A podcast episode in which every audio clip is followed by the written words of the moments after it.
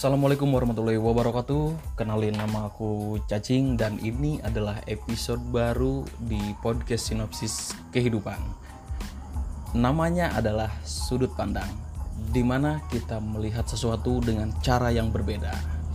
Nah di episode kali ini Kita akan membahas uh, sesuatu yang uh, lagi rame Yang mana uh, di sini aku baca judulnya nih penunggak pajak bakal dilarang beli BBM di SPBU Jawa Barat mulai 2024.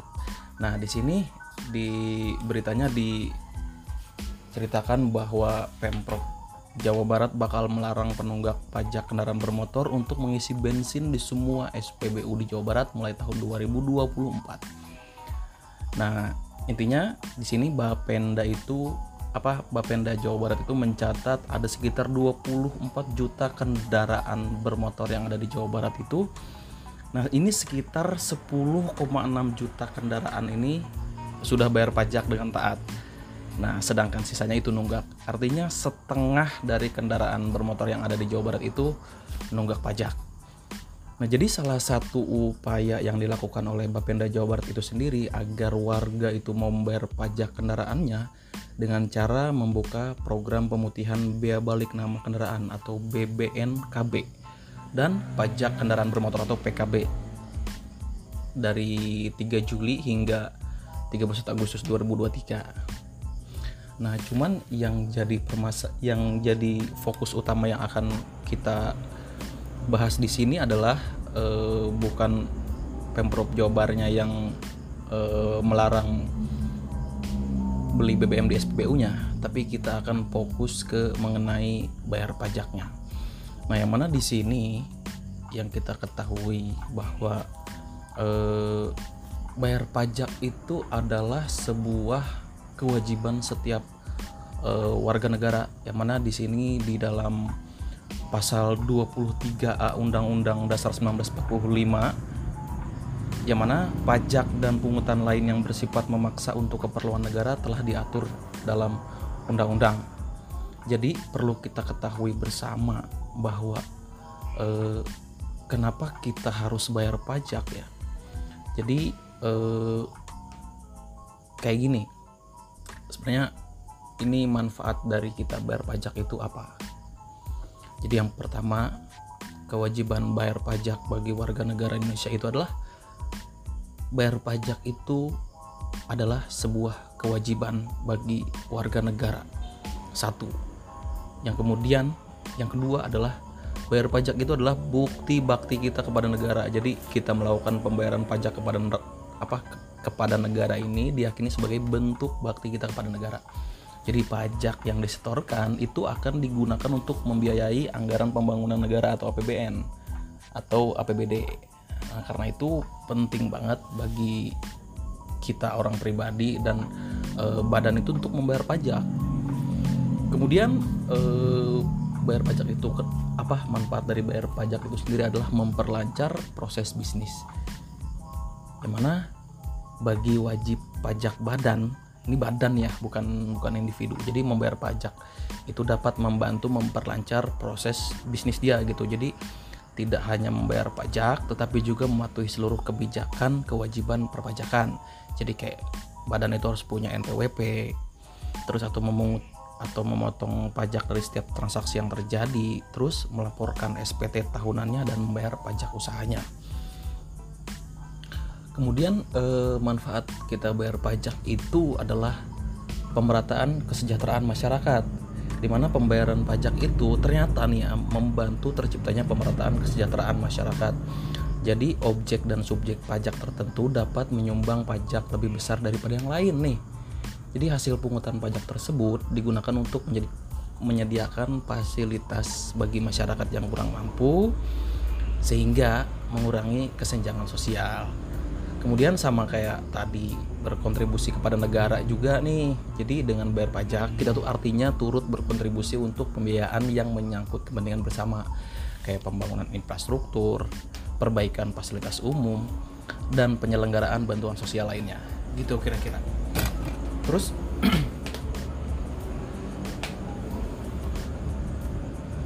kita kan eh, banyak tuh yang bilang bahwa eh, bayar pajak itu ribet. Bayar pajak itu harus ngantri. Bayar pajak itu repot banget pokoknya. Kadang gini kita tuh sebenarnya negara kita itu 200 berapa? 70 juta penduduk sekarang. Sekarang kalau misalkan kita mau bayar pajak nggak ngantri nggak mungkin. Karena masyarakat kita banyak banget. Terus eh, ribet ribet itu dalam dalam hal administrasi pembayaran pajaknya. Ke kalau di sini kan eh, kendaraan bermotor pajak kendaraan bermotor berarti ngurusnya ke samsat. Katanya ribet banget urusan di sana harus inilah itulah inilah itulah. Nah mungkin eh, gini eh, kalau misalkan kita mau mengkritik sistemnya memang agak susah. At- ataupun pemerintah merubah sistemnya dengan cara yang instan itu akan memakan waktu yang sangat lama gitu. Misalkan pembayarannya biar dipermudah gitu biar harus eh, apa nggak perlu repot-repot ke samsat. Oke sekarang samsat udah buka eh, samsat keliling. Terus ada juga pembayaran yang via online gitu. Jadi sebenarnya udah ada gitu terobosan-terobosan untuk mempermudah kita eh, melakukan pembayaran pajak gitu. Tapi kadang sebenarnya ini untuk eh, renungan buat kita semua juga bahwa eh, kadang kita tuh ngerasa ah ngapain bayar pajak? Orang motor kita aman-aman aja gitu di jalan gitu. Bahkan ada yang apa yang nunggak sampai beberapa tahun gitu nggak bayar pajak. Jadi eh, bahasanya apa? Ketika mau ganti plat aja baru diurusin gitu pajaknya. Padahal pajak kendaraan bermotor itu wajib diba- dibayarkan per tahun bahkan sekarang setiap daerah itu hampir eh, melakukan pemutihan setiap tahunnya. Jadi yang mana yang nunggak pajak dalam waktu yang cukup lama dia dibebaskan dari biaya apa dendanya. Dan kemudian pembayarannya dikurangi biasanya. Misalkan 7 tahun jadi bayar 4 tahun gitu gitu gitu. Intinya apa? Melakukan kebijakan itu artinya supaya kita apa eh, sadar gitu bahwa eh, membayar pajak itu adalah kewajiban setiap warga negara gitu. terus eh, kita tuh kadang suk ada nih aku beberapa baca di kolom komentar di sosial media eh, yang bilang ah ngapain bayar pajak? Orang pajaknya jadi korupsi. Nah ini sebenarnya poin utama yang mau aku sampaikan terus eh, oh yang kemarin-kemarin aja korupsi triliunan miliaran gitu dari pajak kita dari uang rakyat gitu. Jadi kita merasa wah ngapain kita nyetorkan uang kita ke negara tapi uangnya nggak dipergunakan sebagaimana mestinya gitu.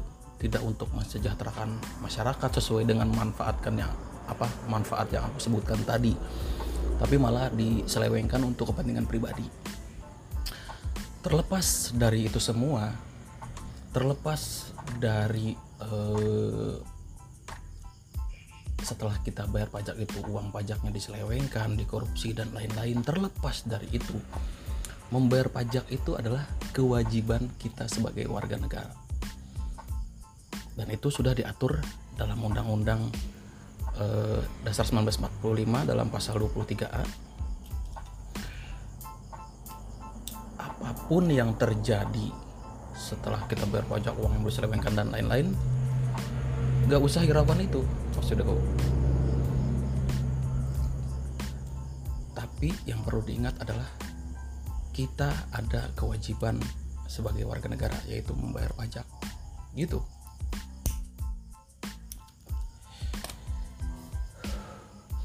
Bahkan ada yang bilang ngapain aku bayar pajak orang eh, jalan di rumahku tetap rusak aspal di desa kami tetap rusak gak dibenerin juga. Ya itu kembali kepada diri kita sendiri. Kalau misalkan itu untuk hal yang lebih luas gitu kita ber apa terlalu jauh gitu kita mikirnya bahwa jalan di tempatku masih rusak terus fasilitas kesehatan masih minim dan lain-lain gitu. Bahkan akses kita untuk bekerja atau sekolah gitu e, masih susah. Ya itu adalah PR bangsa kita. Pemerataan di setiap daerah terus pemerataan ekonominya juga itu adalah masih PR bagi bangsa kita sampai hari ini tapi sebagai kita sebagai warga negara kita harus tetap berkontribusi untuk uh, mencapai kesejahteraan tersebut gitu. Jadi jangan jangan nunggu jalan di tempat kamu itu jadi mulus dulu fasilitas kesehatan jadi wow dulu baru kamu bayar pajak. Sedangkan ini perlu eh, kita tahu bahwa yang kena pajak itu selain apa selain kendaraan bermotor yang umum aja ini ya kendaraan selain kendaraan bermotor kita juga harus bayar PBB atau pajak bumi bangunan. Itu eh, salah satunya adalah tempat tinggal kita tuh. Kalau misalkan itu tanah sendiri ya apa rumah sendiri tanah sendiri gitu. Nah itu kita harus e, bayar pajak juga dari bumi bangunan tersebut. Yang mana e, yang kena pajak itu adalah yang termasuk dalam subjek pajak ya adalah bentar rumah tinggal kita terus bangunan usaha gedung bertingkat dan lain-lain. Nah, sedangkan kalau misalkan kita punya tanah, misalkan eh, tanahnya tuh bukan bukan rumah kita tuh yang ada di atasnya. Tapi ini memang pure tanah yang dipakai untuk eh, perkebunan gitu ladang punya kita misalkan eh, satu hektar misalkan gitu. Nah, itu beda lagi itu adalah objek pajak. Yang mana di situ bisa ada segala berbentuk sawah, ladang, kebun, tanah aja gitu nah itu kena objek pajak juga dan itu dibayarkan per tahun juga sama ke Bapenda biasanya kemudian selain dari itu selain dari pajak kendaraan bermotor terus pajak bumi bangunan kalau misalkan pendapatan kita juga ada kena PPH eh, pribadi kena pajak penghasilan juga.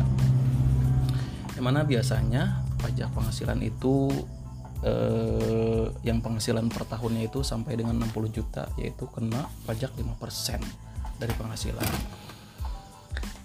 jadi kalau misalkan kita hitung-hitung per bulannya misalkan gajinya 5 juta itu kena pajak penghasilan pribadi. Nah jadi selain kita bayar pajak kendaraan bermotor bayar pajak bumi bangunan kalau misalkan gaji kita 5 juta ke atas itu kena pajak penghasilan pribadi juga.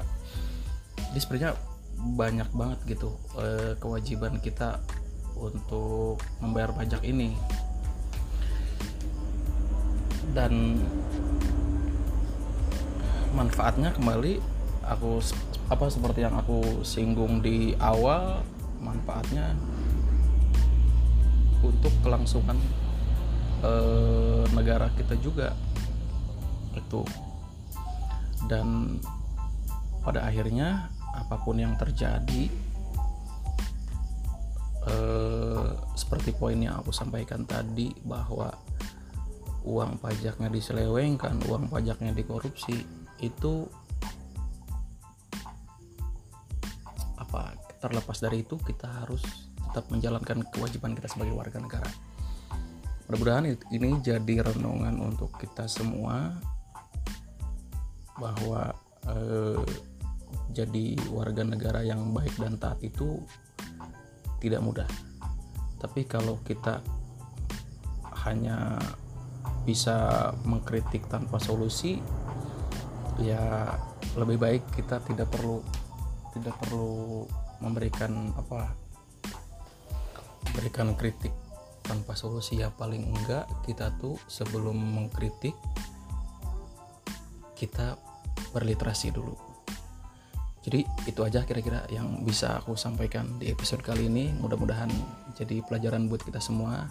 Ini hanya opini aku opini subjektif aku aja jadi kalau misalkan ada yang tersinggung dan lain-lain mohon dimaafkan. Karena sesungguhnya pendapat itu tidak ada yang benar dan eh pendapat itu tidak ada yang salah.